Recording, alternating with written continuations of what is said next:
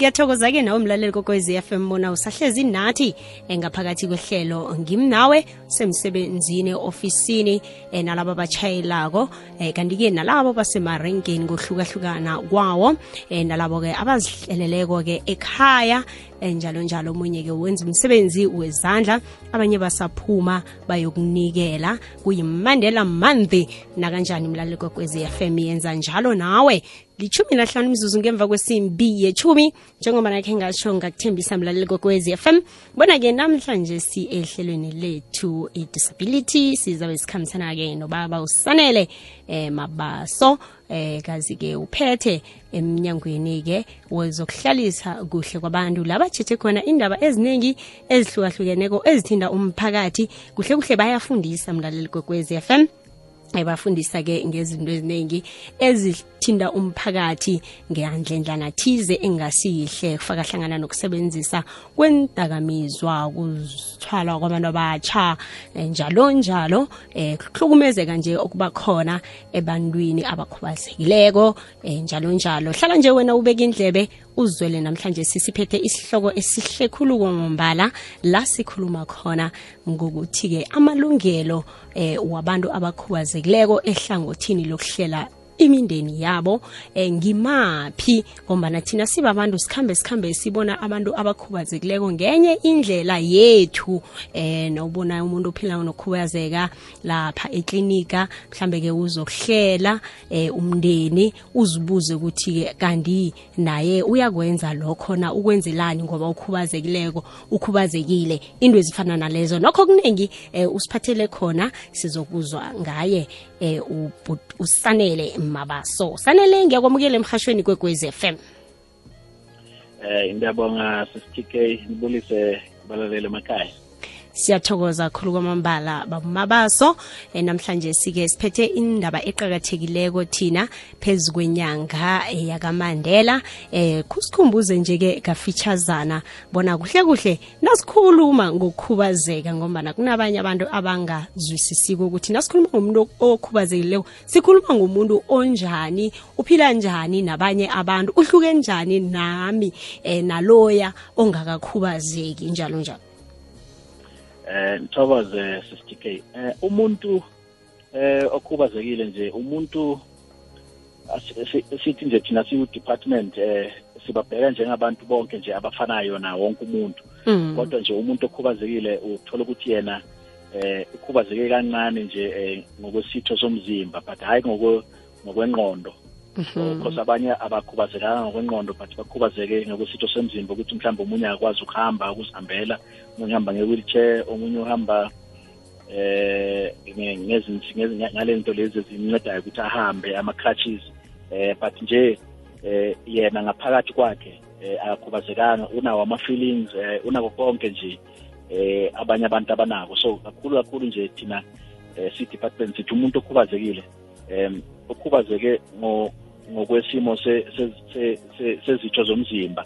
But akakhubazekanga eh ngokwama-feelings eh imizwa yakhe akakhubazekanga eh nangokunye nje mhlambe angakhubazekanga ngakho. For example if ukuthi ukhubazekanga ngengqondo eh akhubazeke ngekuthi akwazi ukuhamba but ingqondo yakhe i-right ifana nje ne-exact neyomuntu ongakhubazekanga. So umuntu okhubazekile msakazi sithi uma sichitha bona sibathuthe noma si-interacta nabo kakhulu nje sazi ukuthi bafana nathi nabo banezidingo nje kakhulu ezifana na wonke umuntu msakazi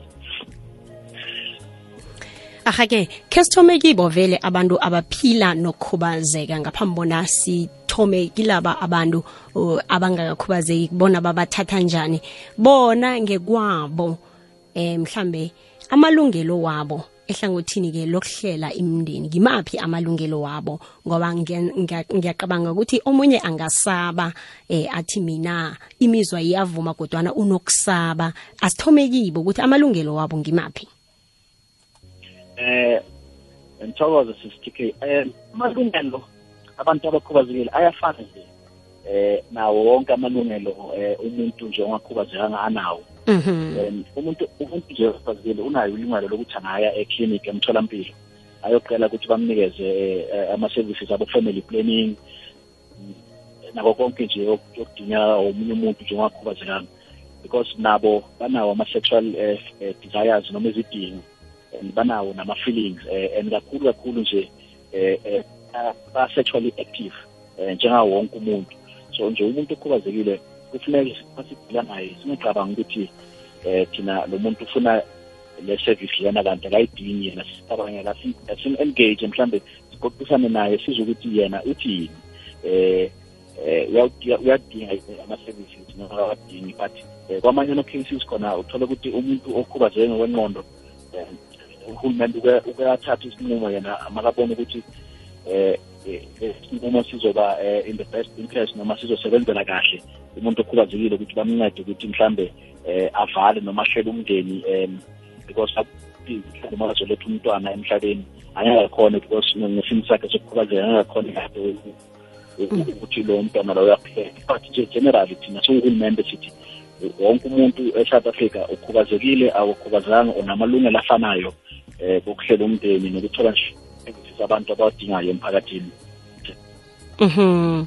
Kanti-ke emakhaya ngohlukahlukana kunababelethi abavimbela abantwana babo abaphila nokukhubazeka ukuthi bangazenzi lezi zinto eziyikanuko yemzimba yabo. Babavalele ngikhaya nanyana balwe nalabo abangemva kwabo mhlawumbe abafuna ukuhlekisana nabo.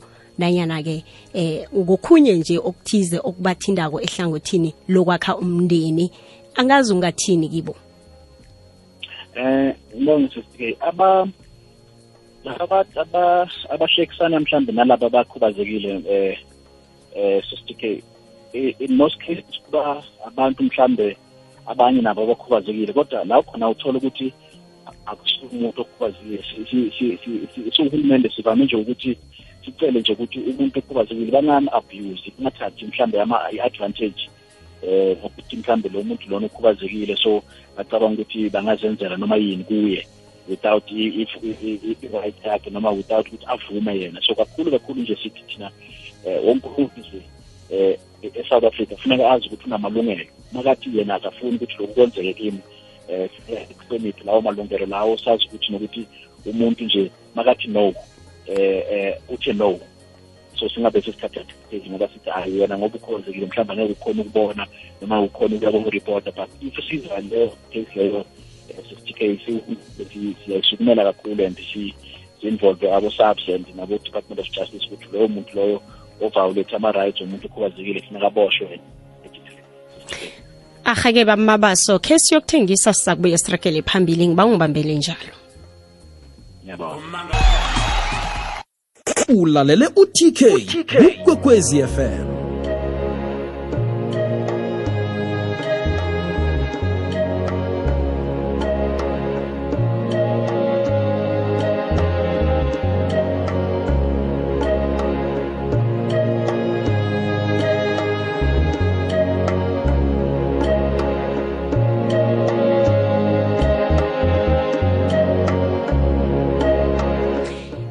ikwekwezi fm kukhanya bhayi machumi amabili nahlanu mzuzu ibethile ibumbene isimbi yechumi nawusanda uvulela wakho mhatsho ngiyakwamukela mlaleli kwekwezi fm singaphakathi kwehlelo lethu eh, le-disability. Nala sikhambisana khona-ke nobaba usanele mabaso sitshetshe indaba iqakatheke khulu kwamambala eh, amalungelo wabantu abaphila nokukhubazeka ehlangothini lokuhlela umndeni ngibuye ngikwamukele godu babumabaso sirakele phambili-ke nekulumo yethu ehlangothini-ke lakarhulumende. Ngikuphi mhlambe-ke akwenzako ukufundisa abantu abaphila nokukhubazeka ukuthi-ke eh kufanele batsheje njani lokha-ke nabazibandakanya ehlangothini-ke lokuhlela umndeni?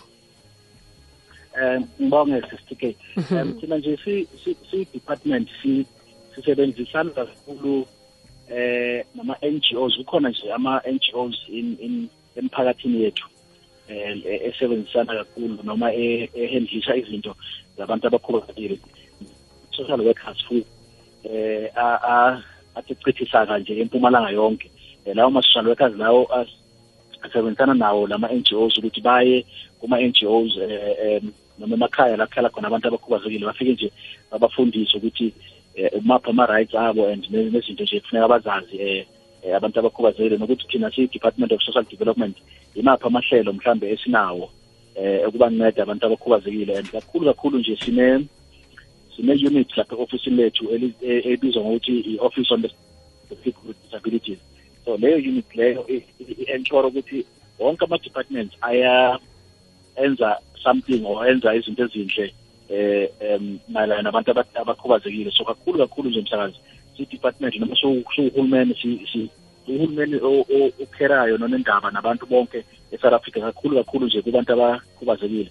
Sike sifike kubo si eh si si-encourage futhi nama-clinics ukuthi ma mabafika nje abantu abakhubazekile bangabaxoshi bathi bona hayi yena uyidingi le service? So kakhulu sithi ama-clinics wethu awabe friendly um sebenzisane kakhulu ne-department of health ukuthi i-traine i-staff eh, sakwa-health ukuthi um abonesi uma umuntu okhubazekile afika kubo um akhona ukuthola i-service kahle yonke ayidingayo um nokuthi bangamjaji bangamqoshi futhi bathi wena awu- awuyidingi le service lena idingwa abanye abantu wonke umuntu nje e-south africa msakazi une-right uku-accessa yonke i-service um ayidingayo um nokuthi nje ahlale kahle nje emphakathini K siyathokoza khulu kwamambala babamaba so sele sizoyivala-ke amezwi wakho wokuqina yiloyo ophila nokukhubazeka onesifiso naye ngelinye lamalanga ekutheni-ke abe nomndeni ongewakhe.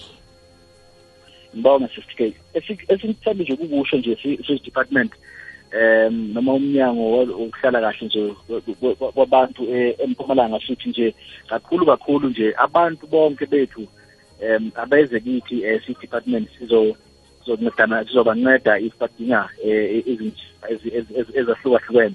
Nokuthi nje kakhulu kakhulu umuntu okhubazekile umuntu nje ofana nawo wonke umuntu e-south africa umuntu nje ukuthi singathathi strategy ya- yakhe ngoba sithi ukhubazekile akadingi ezinye izinto. Umuntu nje naye ophelele ofana nathi onelungelo lokuthi angaba nabantwana eh anga- o- onelungelo lokuthi anga anga anga-accessa yonke i-service nje eh, ayidingayo thanda nje kakhulu ukuthi sicele nje imiphakathi yethu ukuthi ayiphathe kahle abantu abakhubazekile ize edepartmentini sizokhulumisana nayo uma banenkinga um sibancede msakazi. Ahake nitholakala kuphi babamabaso um thokoze eh, sister. babamabaso yes sister. K. kokugcina nitholakala phi mhlambe nangemuntu afuna ihelebho oh si si eh kakhulu kakhulu ama offices yonke indawo eh, ama social workers akhona nje em yonke indawo lapho bumbibane eh, akhona ama offices wethu akhona indawo obuthembisile hani akhona ama offices ethu khona.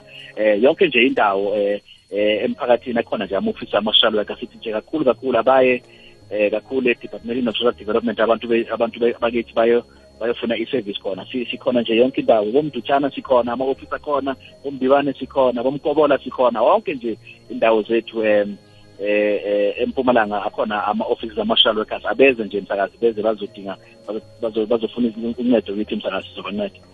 Ahake sithokoze khulu kumambala babamabaso ngesikhathi sakho.